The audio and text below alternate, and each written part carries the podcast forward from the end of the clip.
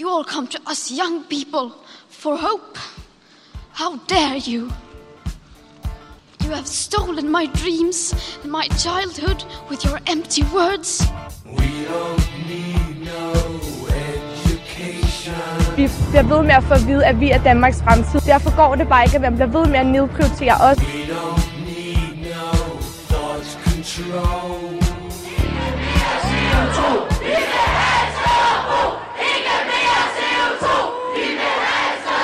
Okay, boomer. Okay, boomer.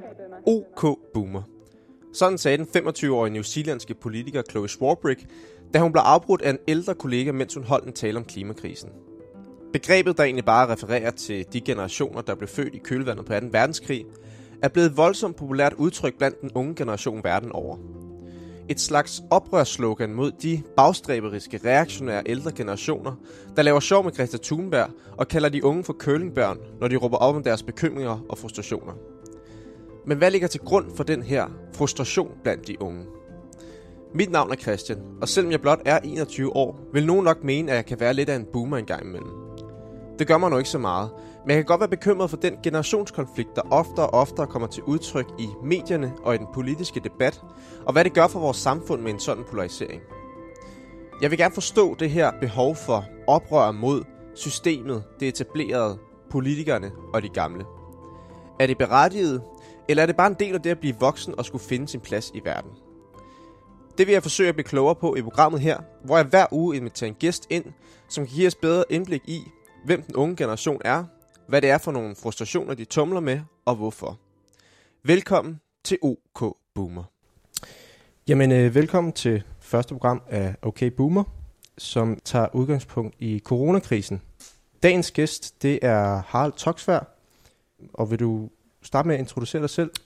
Ja, mit navn er Harald Toksvær. Jeg er forfatter, kunstner, aktivist til tider og studerende. Læser øh, religionsvidenskab på Københavns Universitet. Jeg er 22 år gammel. Yes. Jeg vil gerne starte med et simpelt spørgsmål. Hvis jeg siger boomer, hvad er så dine umiddelbare associationer? Altså, den har jeg fået adskillige gange før. Jeg har jo, altså, jeg har jo selv aldrig benyttet ordet boomer øhm, i sådan nogle af mine mere polemiske sådan, indlæg og så videre. Men Um, jeg tror, hvis vi skal snakke sådan, sådan kulturelt, samfundsmæssigt lige nu, så refererer det ikke så meget til en meget specifik generation, men nærmere til en samfundsklasse af primært øhm, ældre øhm, og ofte øh, velhavende mennesker, der ligesom har ja, haft øhm, hvad hedder det, haft styringen i, i, sådan, i samfund og politik de sidste små 40 år. Um, og som derfor også um, står i hvert fald kulturelt for, for en række værdier, um, som samfundet er blevet drevet efter. Mm. Grunden til, at du er med her i det første program, det har også sit udgangspunkt i alle de her historier, der var i medierne med, at unge ikke kunne finde ud af at overholde regeringens anbefalinger her i starten af coronakrisen. Det her med, at man skulle blive hjemme og distancere sig socialt. Der var i hvert fald nogle historier med nogle unge, som blev ved med at mødes og feste, og det skabte jo en hel del forarvelse i befolkningen. Måske særligt blandt den ældre del af befolkningen. Og der er også blevet lavet sådan nogle undersøgelser, der viser, at unge generelt ikke går lige så meget op i risikoen ved corona, som de ældre gør. Og så skrev du et debattenlæg i Politiken den 23. marts med titlen Kære voksne, det klinger hul, når I anmoder om solidaritet i krisetider. Det er jer, der har smadret fællesskabet og vores fremtid. Yes.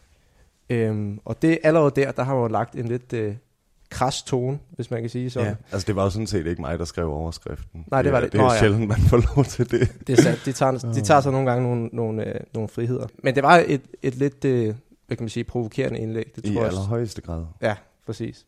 Øh, som jeg læser det, så var øh, hovedpointen ligesom, at, at grunden til, at unge ikke går lige så meget op i anbefalingerne, er fordi, at de ikke føler, at de skylder den ældre befolkning det.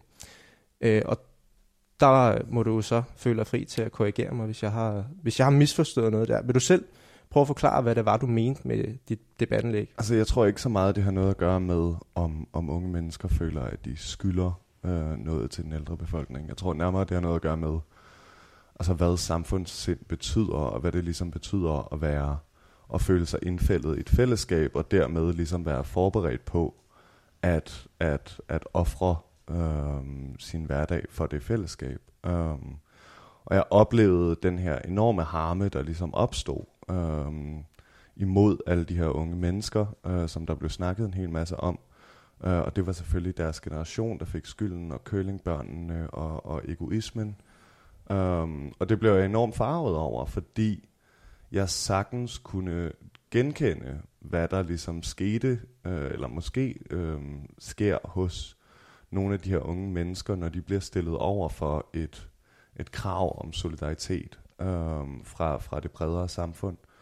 Um, fordi jeg tror, at rigtig mange af dem ikke føler sig som en del af et solidarisk, solidarisk fællesskab. Det er ikke noget, de har, de er ikke noget, de har oplevet, det er ikke noget, de er blevet, blevet indfældet i, og så tror jeg, det er en hel del lettere ligesom Øhm, ikke at, at sådan stå klar på frontlinjerne, når vi ligesom alle sammen skal, skal trække sammen, fordi de ikke føler, at de er altså sådan, sådan at de er en del af den her solidaritet, der bliver, der bliver udpassioneret. Altså, så det handler ikke så meget om, hvem der skylder, øh, hvem hvad. Um, og det handler heller ikke om at forsvare de unge mennesker, der tager ud og fester alligevel. Det handler om, at jeg sympatiserer med dem. Altså, det handler om, at jeg godt forstår, hvor de her, de her følelser kommer fra, hvor den her følelse af ligegyldighed kommer fra.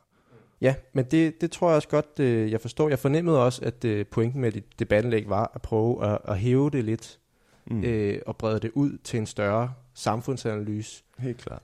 Jeg har også lige et citat herfra, jeg godt kunne tænke mig at læse op. Nu har I opfostret en generation af unge mennesker, hvis hele politiske liv har bestået af at bevidne dette fællesskabs systematiske og kyniske afmontering. I har skabt den slags borgere, der afspejles af dette samfund, og nu, når I har allermest brug for det, når jeres liv og levnede ligger i vores hænder, får I lov at høste frugterne. Markedskapitalismens børn er nihilister og kynikere, for vi kender ikke andet. Hermed får I det ungdomsoprør, I savnede. Det er godt nok dramatisk, hva'? Det er dramatisk. det er, der er god fart på.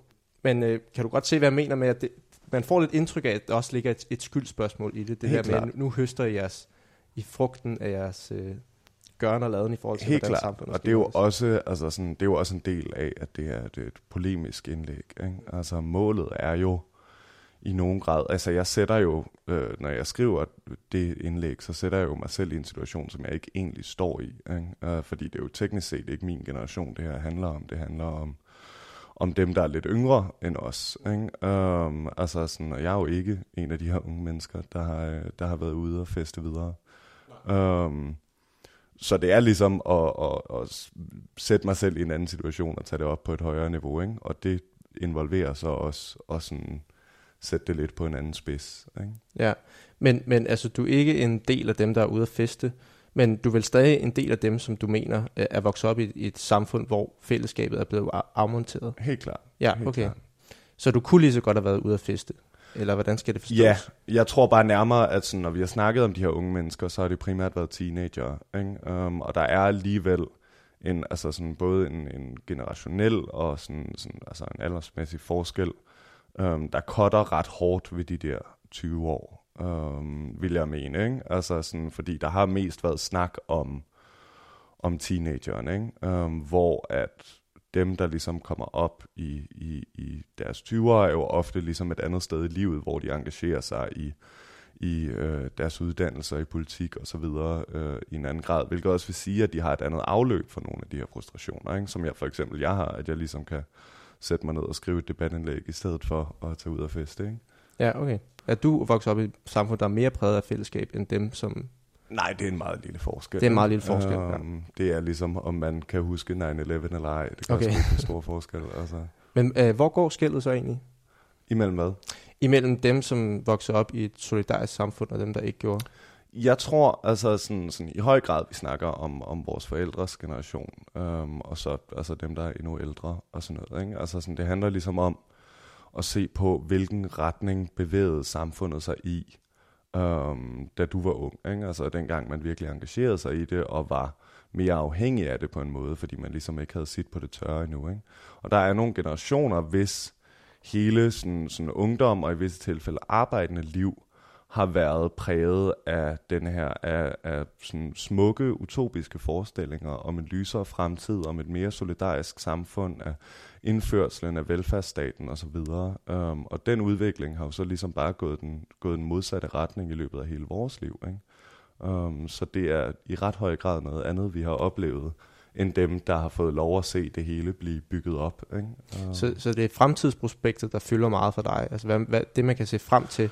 Fordi jeg, jeg vil jo umiddelbart mm. sige, at øh, jeg er jo samme generation mm. som dig, at øh, altså, jeg har haft et, et godt liv. Jeg, jeg, jeg, mm. føler, jeg, jeg føler mig meget taknemmelig over alt det, der er blevet, blevet mig givet op gennem min øh, barndom. Altså jeg har fået, altså jeg er blevet plejet, da jeg var lille. Der var, der var børnehave, og der var gratis uddannelse. Og, Helt klart. øh, og det er jo ikke, fordi jeg sådan, har gjort noget for det. Øh, Mm. mm. Og der er nok mere sådan, der tror jeg selv, jeg tænker, at jeg er taknemmelig over for de generationer, der er gået før mig, som har ligesom lavet det her samfund, hvor vi, vi, vi bliver givet alle de her, altså vi er jo nogle af dem, der har de bedste forudsætninger sådan, Mm. mm. for vores liv. Ja, problemet er jo så, hvad det kommer til at koste os i sidste ende. Ikke? Um, altså fordi meget af det her også ligesom er bygget på forbrugsfesterne fra 80'erne og 90'erne, som så ikke længere er, er bæredygtige. Altså lige meget, hvor fin en barndom vi to har haft, så kommer det jo til at være lige meget, hvis hele planeten begynder at falde sammen over de, over de næste 30 år. Ikke? Men jeg tror også, det handler meget mere om, altså fordi jeg har jo også midt på det tørre, det er der ikke, altså sådan, sådan, jeg har levet et, et enormt privilegeret liv. Ikke? Um,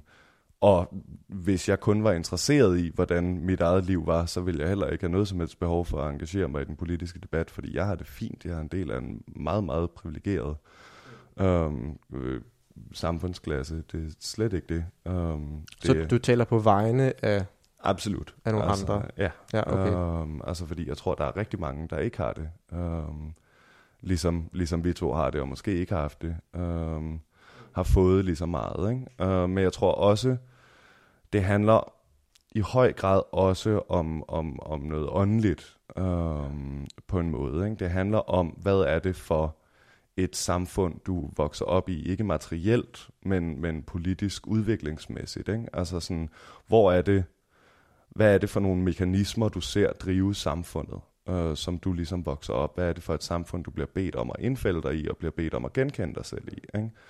Um, og der er det jo ret sigende, om man er en del af en opbygning eller en nedrivning. Mm. Uh, altså sådan, sådan, det er der også altså, øh, historikere, der ligesom kigger på det her med, um, altså sådan perioder af, af, af opbygning, af fremadskuen øh, øhm, og så videre, og så perioder af øh, stagnering, af forrådnelse, af, af, af tilbagegang. Ikke? Altså, der vil jeg mene, at vores generation i enormt høj grad er øhm, sandt født ind i, i noget, der var på vej til at blive, blive et enormt smukt samfund, men så også ligesom har måttet se stille til, imens der bare bid for bid ligesom er blevet revet, øh, revet laser af, af, af hele det her, sådan, det her klæde. Ikke? Um, og det tror jeg har en enorm stor konsekvens altså for psyken. Ikke?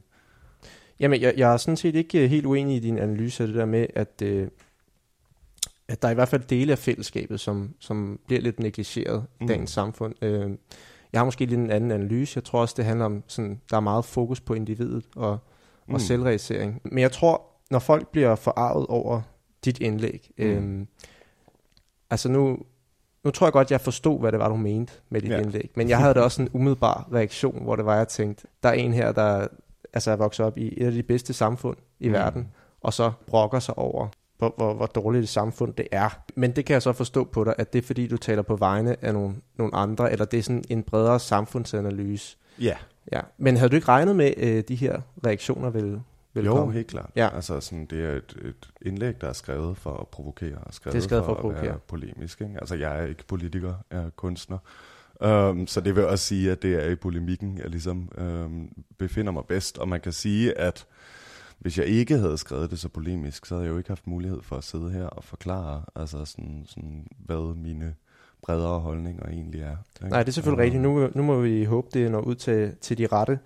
Men synes du ikke, det er ærgerligt, hvis der er folk altså misforstår og reagerer på, på et forkert grundlag?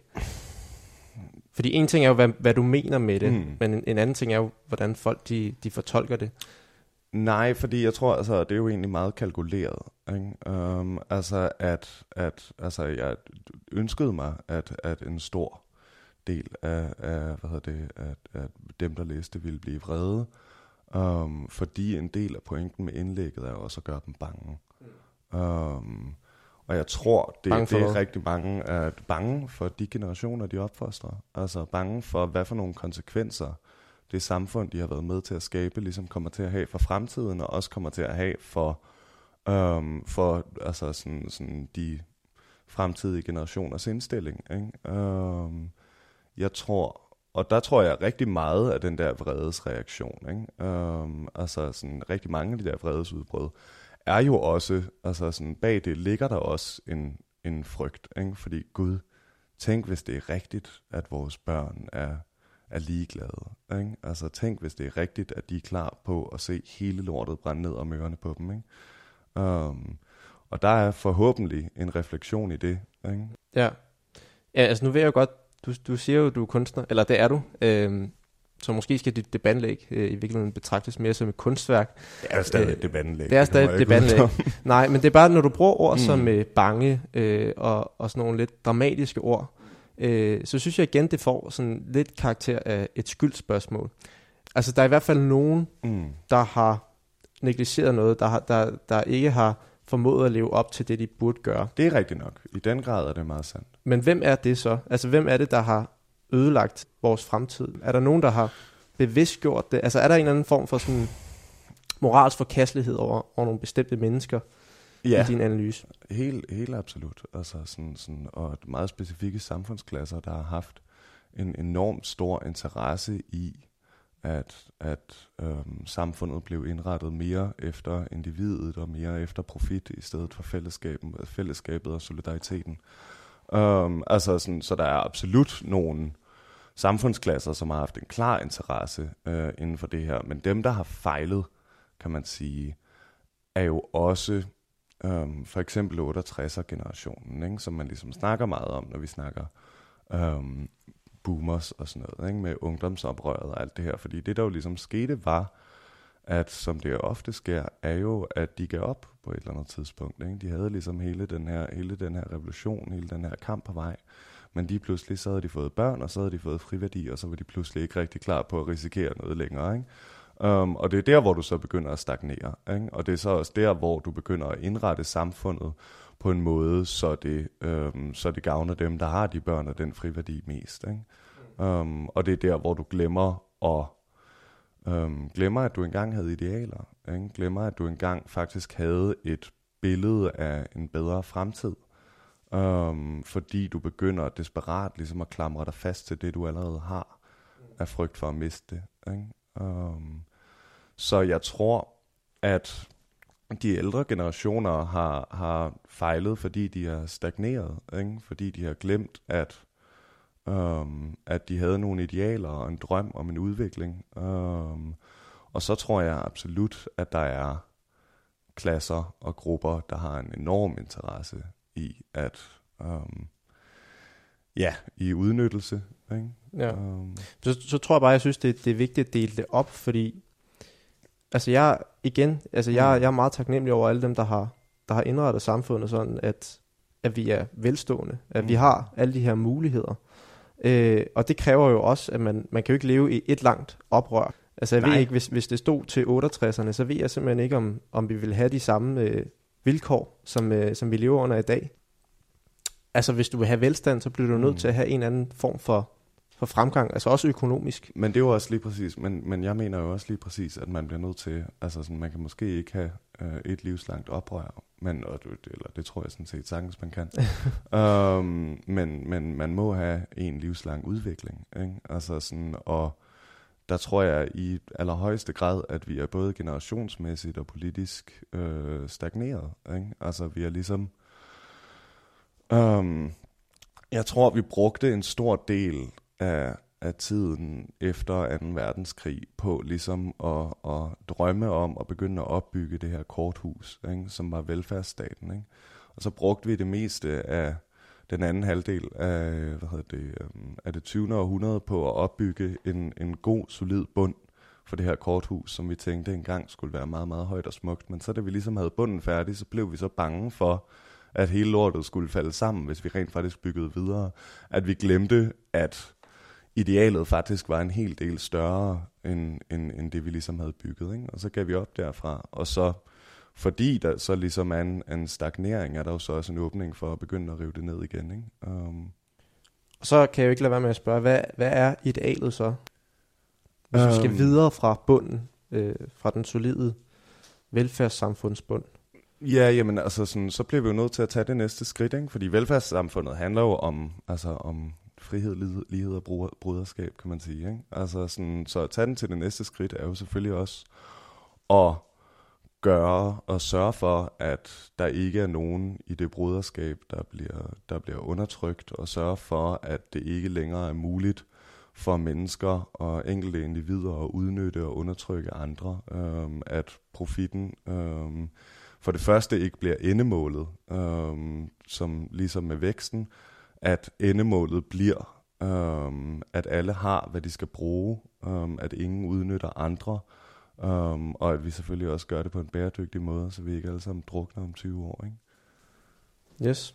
Jamen, øh, det, det synes jeg er interessant. Altså, jeg tror, øh, jeg tror der, hvor konfrontationen opstår, Mm. det er, når du skriver det her med, at øh, der er noget galt med vores samfund. Og der tror jeg bare, mange de har den der umiddelbare reaktion, at vi, altså, jeg har haft et godt liv, jeg Mm. lever i Danmark, der er vi velstående og sådan noget.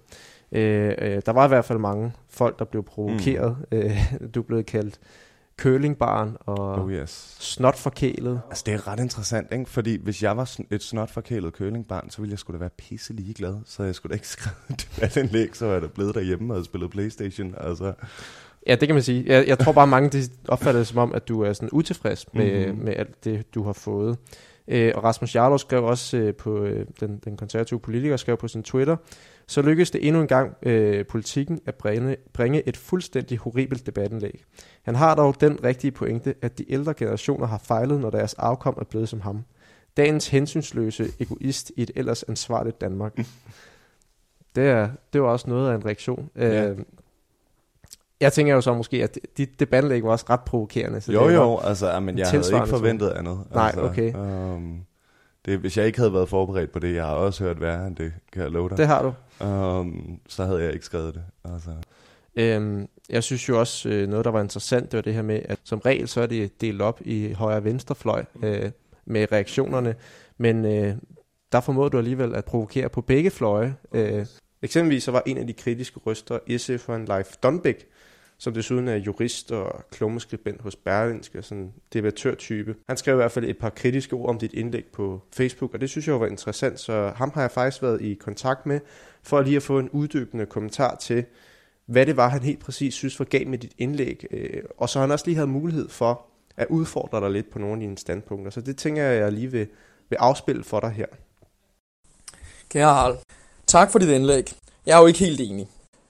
Grundlæggende, så synes jeg, du misforstår, hvad for et samfund du egentlig er vokset op i. Og nu ser jeg vokset op, som om jeg er årtier ældre, det er jeg jo egentlig ikke. Så vidt jeg kan forstå, så er der vist omkring 10 års forskel på os.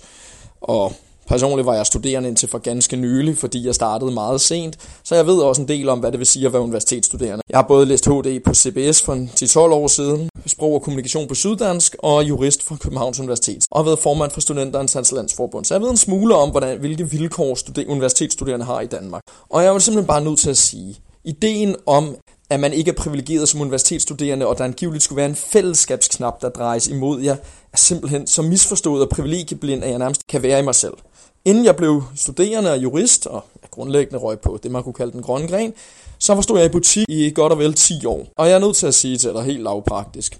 Hvis du vil snakke om manglende privilegier, så skal du prøve at tage et par år som butiksassistent til en 16-18.000 om måneden før skat med at smide varer på hylder kl. 6 om morgenen og vide, at det du betaler i skat, det blandt andet går til, at universitetsstuderende med masser af fritid kan skrive klunkende indlæg i politikken. Og jeg ved godt, det her det lyder en smule hårdt, jeg blev simpelthen provokeret af dit indlæg. Jeg håber, det er det, der er meningen, og at du ikke rent faktisk mener det, fordi hvis du rent faktisk mener det, vil du godt nok have godt af at komme på ud fra universitetet og få armen ud fra kroppen. Ja, Er vi Ja. på? det er vi. Hvad jeg, siger sy- du til altså, jeg omgang? synes simpelthen, det er så sjovt, det her. Altså sådan, fordi det er så sigende, og det sker så ofte. Det her med, at han går ligesom direkte på, hvad er det for en situation, som jeg står i. Ikke? Som om, at min eneste interesse i at blande mig i samfundsdebatten, er at kommentere på, hvordan jeg har det, og hvordan jeg burde have det. Ikke? Altså sådan, det er jo sådan en helt vanvittigt individskroet tankegang, at den eneste sted, man ligesom kan sådan engagere sig politisk, er ud fra sin egen personlige oplevelse. Jeg altså, sådan, er da meget, meget åben omkring, at jeg er enormt privilegeret. Jeg er en, altså, en øh, hvid heteroseksuel mand fra København, øh, med altså sådan, sådan fra, fra en, en fin middelklassefamilie. Jeg har det pissefint. Det er der rigtig mange andre, der ikke har. altså, øhm, men det betyder jo ikke, at jeg ikke, altså sådan, bare fordi mine materielle omstændigheder er, er fine, og det er vi meget, meget enige om, at de er, de er enormt fine, øhm, så handler det jo også i langt højere grad om, om, om de åndelige omstændigheder, som vi er, som vi er i. Ikke? Det sjove er jo, at Leif her, han snakker om sin, sin, sin erfaring som, som butiksarbejder, ikke? og det er jo noget, som, som rigtig mange politikere rigtig godt kan lide at bringe op. Ikke? Um, altså enten at de har været det, eller så snakker de rigtig meget om de her mennesker. Um, som om, at vi ligesom kan bruge sådan folk, der arbejder i Netto eller sådan noget, som sådan et eksempel på, se hvor slemt, slemt de har det. Ikke? Se hvor slemt du kunne have det, hvis du havde sådan et lortejob. I stedet for nogensinde at spørge, at spørge sig selv, hey, hvorfor er det egentlig sådan, at det er så elendigt at arbejde i Netto? Altså, um, han går jo selv lige præcis ind og siger, at det er helvedes til. Ikke? Altså, at man, bliver, at man bliver sindssyg og slidt af det, og man ikke bliver betalt en skid. Og alligevel så går han så ud og siger, øh, eller kommer han så bagefter med, at men nu er jeg jo blevet jurist og tjener en masse penge, så samfundet er perfekt. Ikke? Um, det synes jeg er vildt provokerende. Men altså. jeg tænker, i forhold til det, du siger med, at, at, øh, at du er irriteret over, at det bliver sådan individfokuseret, mm. at det kommer til at handle om dig. Jeg må indrømme, at det var også sådan, jeg læste indlægget, fordi du skriver jo, vi lever i en helt anden nation, end I mener at tilhøre, og det mm. er ikke en, hvor fællesskabet kommer først. Og øh, markedskapitalismens børn og nihilister og kynikere, for mm. vi kender ikke andet. Klar. Så er det jo svært ikke at tænke, at det også bunder en personlig oplevelse. Øhm, fordi du tager jo ligesom ejerskab over den her Mm følelse og fornemmelse. Så jeg tror egentlig godt, jeg forstår Leifs umiddelbare kommentar.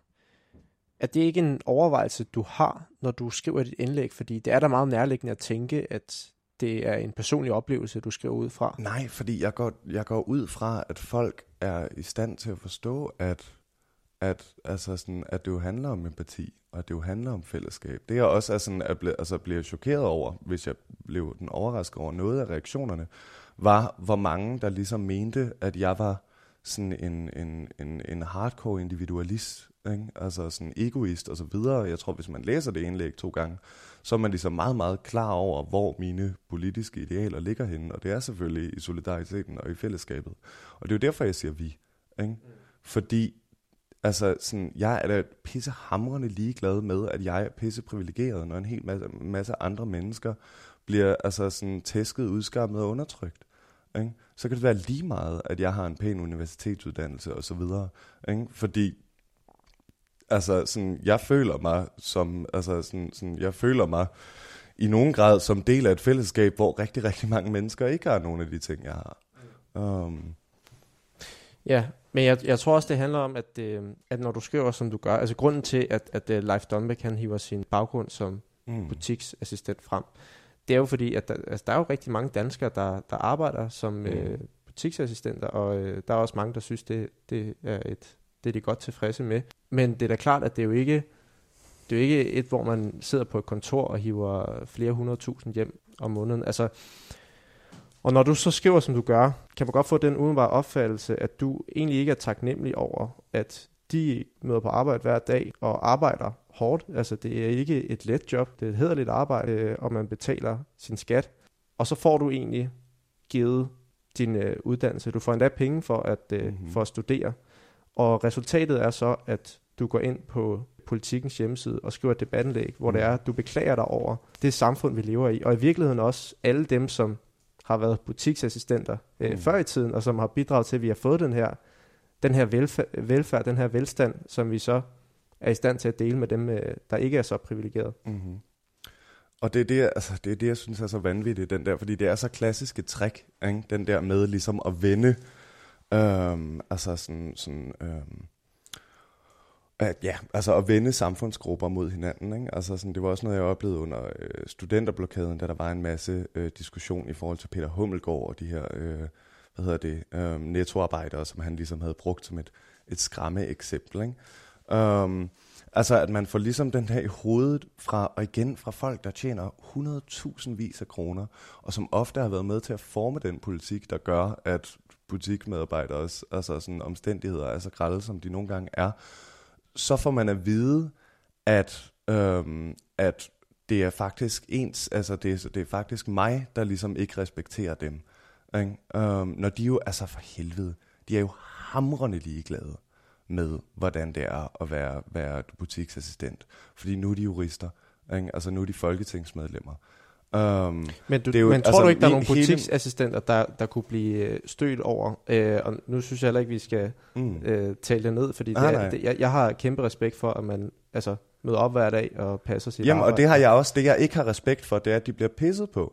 Ikke? Det, er, at de bliver, det er, at de bliver betalt alt for lidt. Det er, at de bliver altså, sådan, sådan presset af kæmpestore arbejdsgivere, der tjener, hiver milliarder ind om året. Og at de bliver brugt som et politisk redskab af den absolute magtelite i landet for at splitte folk op og for at gøre, at man lige præcis ikke kan snakke ind i en, altså sådan, i en solidaritets øh, sammenhæng. Ikke? Jeg forstår godt, at de er blevet provokeret, eller sådan, at nogle af dem også bliver provokeret. Ikke? Altså fordi det er... Er dit indlæg? Ja, altså sådan, fordi det er så typisk et værktøj at sætte den her, den, hvad hedder det, øhm, den, ja, hvad, den, den, øh, sætte den uddannede klasse og arbejderklassen op mod hinanden, når de har de samme idealer og, sådan, og, altså, og de samme mål. Ikke?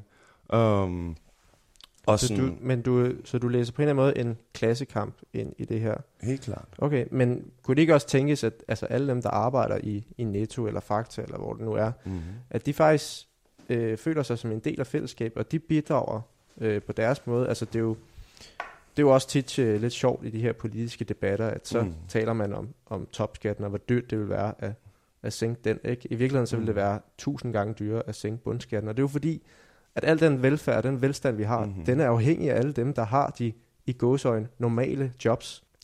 Og jeg tror bare, at når det er, man har et job, som, som virkelig kræver noget energi og arbejde, det kræver, at man står tidligt op hver dag, Mm-hmm.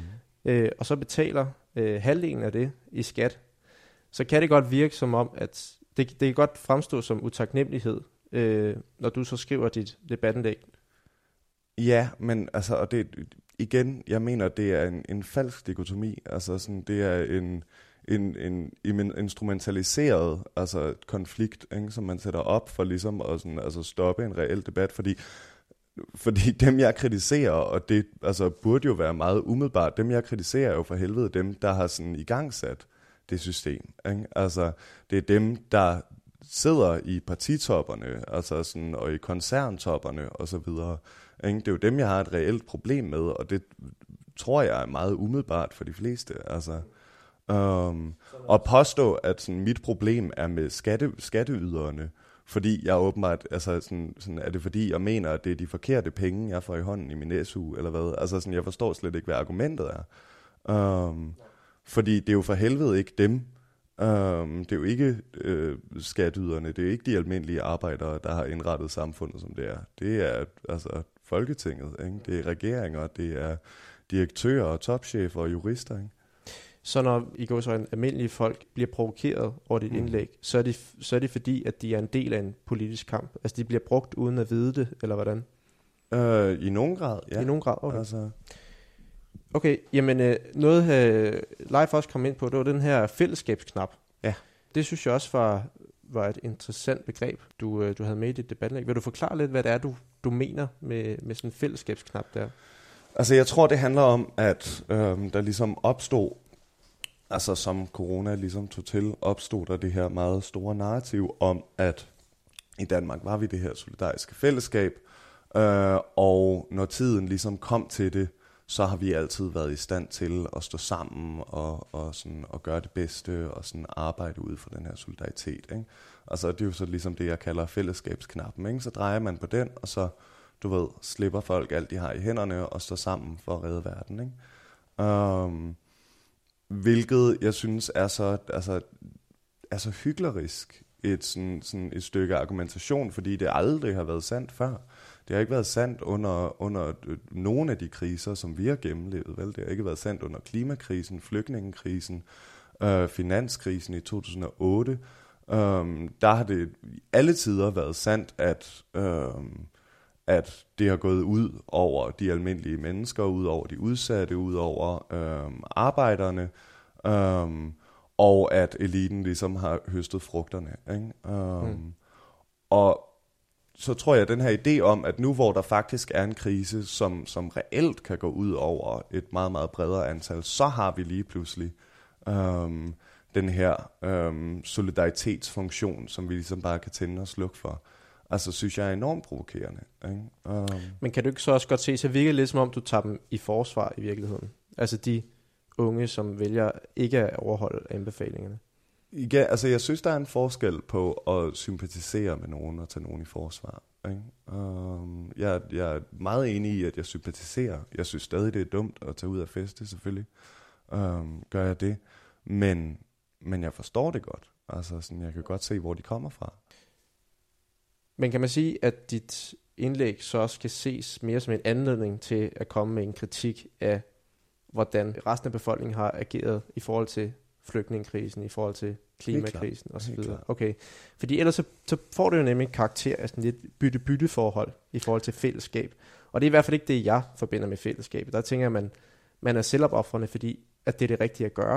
Man øh, sætter sin hverdag på pause for at hjælpe de mm. ældre, fordi det er det rigtige at gøre. Ikke fordi, at man tænker, nå men, nu har de bidraget til mig, så skal jeg bidrage til dem. Mm. Men simpelthen fordi, det, det er det moralsk rigtige at gøre i den her situation. Og det er helt rigtigt. Altså, og solidaritet er ikke et bytte-bytte forhold. Til gengæld er solidaritet et gensidigt forhold.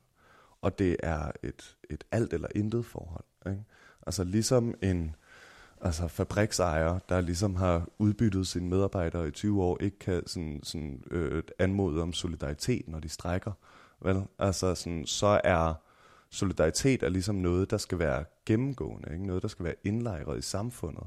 Ellers så er altså sådan, den solidaritet og det fællesskab, der opstår ud over det, kommer altid til at være i trods øh, mod det bredere samfund. Ikke? Solidaritet er ikke en tryllestav, som du kan hive op, så snart det er dig, der er i fare. Vel? Solidaritet er noget, som du skal være indlejret i, og noget, som du skal, skal være med til at indlejre andre i. Og det er det, der er min pointe. Ja, konflikten opstår så nok også der i forhold til, at det er de ældre, der er i fare. Nu har du så meget fokus på det her med, at de har indrettet et samfund, som er på vej i afgrunden. Mm. Jeg tror, mange har indtryk af, at, at øh, de ældre generationer faktisk har gjort en hel del for os. De har opbygget det her samfund, vi har. De har, de arbejdet hele deres liv, og nu har de så endelig måske fået pension. Det er jo dem, der er særligt i risikogruppen. Og at unge så ikke engang bare lige vil lægge deres hverdag på pause i to sekunder, det er, øh, det er forkert. Altså det er, det er netop ikke at tage del i fællesskabet. Mm. Fordi fællesskabet skal jo løfte de svageste. Mm. Og lige nu så er de ældre de svageste. Så synes jeg også noget øh, andet interessant, du, du både skriver og nævner her. Du nævner en, en fabriksejer, og du har også en kritik af markedskapitalisme. Så vil jeg bare lige høre, altså i, i din verden er et kapitalistisk samfund og et solidarisk samfund så øh, komplet uforenelige? Ja, det mener jeg. Altså det er sådan, er sådan set meget godt, øh, meget godt formuleret. Altså fordi kapitalismen som system i sin allermest basale grundmekanismer prioriterer individets ret til at udnytte andre øh, individer og, øh, og sådan, sådan planeten. Ikke? Altså sådan prioriterer øh, individets ret til at, at, at udnytte øh, over øh, fællesskabets ret. Ikke? Øh, altså prioriterer konkurrencen over fællesskabet, ikke? fordi kapitalismen helt grundlæggende ikke har en, en utopi, ikke har en idealtilstand, fordi den baserer sig på ideen om konkurrence. Og en konkurrence skal der være en vinder og en taber, og så længe vi ligesom baserer os på ideen om, at der altid skal være vinder og tabere, ikke? og dermed også altid skal være rige og fattige, så lever du ikke i et solidarisk samfund. Altså, det kan godt være, at du kan få et fint opsving på økonomien, men det kommer altid til at gå ud over nogen. Um, og det er ikke solidaritet. Mm-hmm.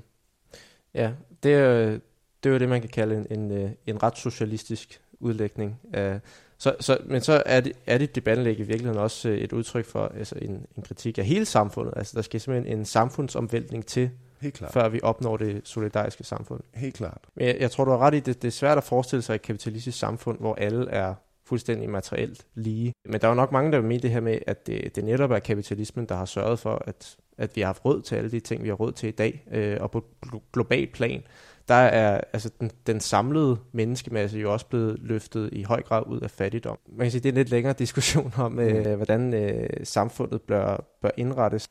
Men det her, du siger med, at mennesket spejler samfundet, den, den kan jeg sådan set godt følge. Altså selvfølgelig er vi utrolig påvirket af vores opvækst. Men er der ikke stadig et personligt ansvar? Altså lad os nu godtage det her med, at de ældre har indrettet et samfund, hvor vi ikke har mærket fællesskab så meget. Men selv hvis det er sandt, er vi så ikke stadig øh, personligt moralsk forpligtet til at gøre det rigtige i den givende situation? Selvfølgelig er vi det.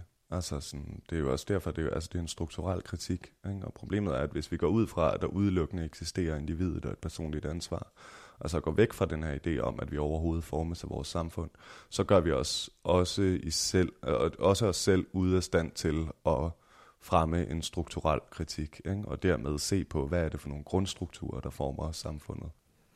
Ja, hvis jeg forstår det rigtigt, så Mm. du, har, du har valgt at skrive et provokerende indlæg for Mm. at starte noget debat, Mm.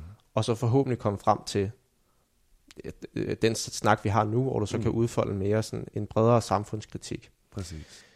Men kan du ikke se, at problemet er, at hvis folk kun læser dit indlæg, og efterladt med det her indtryk af, at øh, okay, her er der en gut, som er vokset op i et godt samfund, hvor han har fået alt givet i hoved og røv, altså en gratis uddannelse, en sikker, tryg, tryg opvækst, og så kritiserer han os, der arbejder og finansierer det hele. Og derudover så sympatiserer han med dem, som ikke overholder regeringens anbefalinger. Altså det kan jo i princippet øh, resultere i, at der er nogen, der tænker, Nå jamen, der er ikke noget galt i det, jeg gør. Mm. Og så fortsætter med at gøre det. Og starte en smittekæde. Ja, Det er det, nok altså, det ville det- jo kræve, at der rent faktisk var nogen under 30, der læste politikken. Så det er jeg egentlig ikke bange for. Om det, ke- det kender jeg, altså, det, det må jeg indrømme, at jeg kender en del at gøre. Mm. Øh, Men kan- kan du se, hvad jeg mener i forhold ja, til- Ja, men selvfølgelig er det en risiko. Altså sådan, um, problemet er jo, at altså, hvis nu jeg bare havde sat mig ned og øhm, skrevet en pæn tekst om, hvordan jeg synes, samfundet burde se ud de næste 20 år, så havde politikken sgu ikke printet det. Altså, og det havde heller ikke overhovedet affødt så meget altså sådan opmærksomhed og så meget mulighed for rent faktisk at bringe en anden altså dialog på banen, øhm, som det har gjort. Jeg kunne også bare have, altså sådan, have sat mig ned og skrevet Kapitalen 2.0. der er ikke nogen, der havde trykt den, og der er heller ikke nogen, der havde læst den. Um, så det var jeg nok ikke kommet særlig langt med. Nu har jeg til gengæld fået altså sådan enormt meget mulighed for at engagere mig i samfundsdebatten, og for at bringe nogle andre og mere altså sådan radikale synspunkter øh, til vejs. Ikke? ja, og det er jo skønt. Det er også derfor, jeg gerne vil snakke med dig, fordi jeg havde sådan set også indtryk af, at der lå noget andet end det, der lige stod i debattenlægget. Men jeg tror også bare, man må forvente, at folk de kritiserer det, man skriver. Selvfølgelig. Hvis det ligesom er målet helliger midlet, altså nu skriver jeg noget provokerende, mm. for at kunne nå frem til samtalen, så må mm. man ligesom også tage konsekvensen af, Og- at der er nogen, der afskriver dig fuldstændig. Yes. Og sådan, altså, og det har jeg været meget forberedt på. Hele Ja, tiden. okay. Altså, Men jeg, jeg tror også, det er det, som, som jeg gerne vil øh, undersøge her i Mm. mm. mit program generelt. Det er det her med, at det tror jeg i virkeligheden er en på mange måder sådan en ungdomlig tilgang til tingene. Mm. Mm. Altså også aktivisme generelt. helt klart. Ungdomsoprør som fænomen Mm. er jo det her med, at man vil vælte stilaset, eller man vil ligesom Mm-hmm. prikke til bjørnen, så der sker noget. Det jeg så godt kan være lidt bange for, det er, at man taler til, til de allerede indvidede, og i virkeligheden kan det ende med at polarisere samfundet endnu mere. Kan du følge den kritik? Altså, jeg tror ikke, det er noget, man skal være alt for bange for. For det første, så altså, sådan, er jeg langt mere bange for et homogeniseret samfund, der alle sammen er nogenlunde enige om, at vi ikke skal ændre på noget, end et polariseret samfund. Um, og så tror jeg også rigtig ofte, når man snakker om det her med, hvordan radikale idéer ligesom kan, kan fremmedgøre store dele af befolkningen, så undervurderer man i enormt høj grad, um, hvor stor en forskel det gør over tid, at vi snakker om de her ting. Ikke? Altså sådan, det handler ikke om, at du kan stille dig op og holde en tale, og lige pludselig så står hele landets arbejdere foran dig med faner og høtyve, vel? Det handler om, at når vi snakker om de her ting, når vi bringer dem op igen og igen og igen, og når vi ligesom bringer dem ind i, altså sådan, i folks bevidsthed, så flytter de her, altså sådan, så flytter den folkelige bevidsthed sig også skridt for skridt. Ikke? Du er ikke bange for, at der kommer en modreaktion? Jo, altså sådan, men, og det kommer der jo altid til at være. Ikke? Men det må da for guds skyld ikke stoppe os fra at drømme. Som jeg forstår dig, så Mm. øh, er det en generel kamp mod det etablerede. Altså, der, der skal Mm. ske noget. Jeg tror, du får mig ikke helt med på din, din kommunistiske revolution, hvis det er der, vi skal hen. Men jeg tror, øh, i hvert fald, jeg har, jeg har fået en bedre forståelse af, hvad, hvad der ligger sådan bag dit debattenlæg. Mm. Jeg tænker også, det bunder i en eller anden form for frustration over, at der ikke sker mere. Det er også noget, jeg har oplevet ved mange øh, unge generelt. Og så man kan også se alle de her bevægelser, der kommer frem. Fridays for Future og, og alt sådan noget. Det er som om, der er en eller anden øh, undertrykt frustration, som lige så stille er begyndt at pible frem. Så det er klart, sådan en coronakrise Mm. her, det giver måske anledning til, at noget af det kan komme frem. Har du indtryk af, at der er sådan en eller anden form for, for ungdomsoprør på vej? Det er noget, jeg bliver spurgt om virkelig ofte. Er det det? ja. um, Og er du en del af det? Uh, jamen, altså, jeg er jo i, af nogen øh, blevet gjort til en eller anden slags repræsentant, hvilket jeg ikke tror, at landets ungdom ville være særlig enige, enige med, hvis de fik lov til at stemme. Så ville de nok vælge Jens Philip Astani. Um, men um, jeg tror, der er noget på vej. Altså, jeg tror, at um, selvfølgelig alle unge generationer er jo oprørske i en eller anden grad. Men jeg tror også, vi er nået til et punkt nu af, altså af fremmedgørelse øhm, over for de magtstrukturer, som vi deltager i. Øh, altså af raseri over den stagnering og, og forrådnelse, sådan, som vi ligesom øh, ligger i rent politisk over den her øhm, altså sådan, øhm, den her kraftesløshed i forhold til handling, øhm, som vi ligesom ikke har set før. Altså ikke i hvert fald de sidste 120 år. At der er en forhåbentlig en enormt stærk reaktion på vej fra ungdommen, fordi de er ved, og vi er ved at åbne øjnene op for, at vi er blevet fodret en løgn. Altså en løgn om, at frihed betyder friheden til at vælge mellem 39 forskellige slags Ben Jerry's, ikke? og ikke friheden til altså, at udfolde sig kreativt og åndeligt. Ikke? Um, Men det er bedre end friheden til at dø, eller Ja. til ikke at have noget. um, Jeg tror, jeg tror, det er der, du, du clasher lidt med, med mange af dem, som egentlig er godt tilfreds med det samfund, mm, vi er i. Øh, og det tror jeg, det er også vigtigt at huske på, at, at vi faktisk er en del, der er. Fordi jeg tror ikke helt, jeg køber ind på den der oprørske stemning, at jeg har behov for at, at gøre oprør. Jeg vil også gerne hjælpe dem, der er svage, dem, der er undertrykt. Men det tror jeg ikke nødvendigvis, vi gør ved at vælge hele samfundet om. Jeg tænker egentlig, at, at vi i Danmark i hvert fald har et, et ret godt samfund og, og er på vej i den rigtige retning. Men øh, jeg vil sige, at jeg er enig med dig i, i din kritik af det store fokus på individet, mm, og det manglende fokus på fællesskabet. mm, Det synes jeg faktisk også er et problem, det her med, at øh, ens velvære, ens lykke øh, afhænger af, om man klarer det godt, og man præsterer det godt mm-hmm. i karriere, såvel som andet. Mm. Øh, der tror jeg, det handler om mere, at man finder en eller anden form for åndelig balance, og ja, vi kan leve mere i fællesskab, og hvor det netop er fællesskabet, der er i fokus. Spørgsmålet er jo så, om det kræver, at man har en iPhone 10 eller ej. Ikke? Um, Ja. Fordi det bliver det ligesom hurtigt til. Ikke? Altså rigtig ofte, når vi snakker om det her med, med velstand og sådan, se hvor, altså sådan, se hvor rige og øh, hvor rige vi er, hvor fedt vi har det. Ikke? Altså, vi har også den største mentale sundhedskrise, i, altså sådan, som der nogensinde er blevet, altså er blevet målt. Ikke? Vi har altså sådan mere depression, mere angst, altså sådan, sådan mere frygt og fremmedgørelse, end vi nogensinde har haft før. Altså, og så bliver spørgsmålet jo, jamen, hvordan er det så, vi definerer den her rigdom? Altså, er det, hvor ofte du har tid til at fortælle din kæreste, at du elsker dem, og se en solnedgang, eller er det, hvor hurtigt du får den nye iPhone, når den kommer på markedet? Ikke? Altså, og der tror jeg, der er en langt større samtale at tage om, hvad det betyder at være velstående, og hvad det betyder at være rige. Ikke? Um, Meget enig. Og jeg er fuldstændig enig med dig i, at øh, der er for stor fokus på det, på det materialistiske. Altså, man bliver, ikke, øh, man bliver ikke nødvendigvis lykkelig af at være, være rig, selvom Mm. det selvfølgelig i nogle tilfælde hjælper, at man i hvert fald har, har mad nok på bordet. Øh, men mange af de emner, du, du taler om, det er også nogle, øh, jeg gerne vil komme ind på i, øh, i de senere programmer. mm. Men øh, i første omgang, så vil jeg gerne sige øh, tusind tak for, øh, for snakken. Jeg synes, du har, du har givet meget stof til eftertanke. Jeg tror, man kan sige, at, at jeg er enig i en del af analyserne. Ikke nødvendigvis konklusionen. Men øh, jeg synes i hvert fald, det har været utrolig spændende øh, at snakke med dig. Og så, jeg vil ikke give dig hånden, men du kan få en albu. Yes, helt sikkert. Sådan Så, der. tak for det. Skide godt. Jeg synes, min snak med Harald var utrolig interessant. Vi fik talt en hel del om fællesskab, om hvad der præger kulturen og åndslivet i Danmark, og hvordan det påvirker ungdommen. Harald havde utrolig mange refleksioner om Danmark som samfund og folk, og jeg var ikke i tvivl om hans gode intentioner med sin øh, aktivisme og deltagelse i debatten. Jeg godt synes, det er lidt ærgerligt, at det ikke kommer til udtryk i hans debatindlæg på samme måde, som det gør i vores samtale. I indlægget var det i hvert fald tydeligt, at ikke alle var på bølgelængde med Haralds øh, visioner. Og i virkeligheden er der vel tale om miskommunikation. Og dog. For Harald fortæller jo åbent og ærligt, at meningen var at provokere. Og det lykkedes han jo så med. Men jeg kan ikke lade være med at tænke, at det er på et forkert grundlag. For de ting, som han blev kritiseret og skældt ud for, øh, nemlig det her med, at han er utaknemmelig over de muligheder, han selv har fået i Danmark, er jo ikke det, jeg får indtryk af af Haralds budskab, når jeg sidder og taler med ham.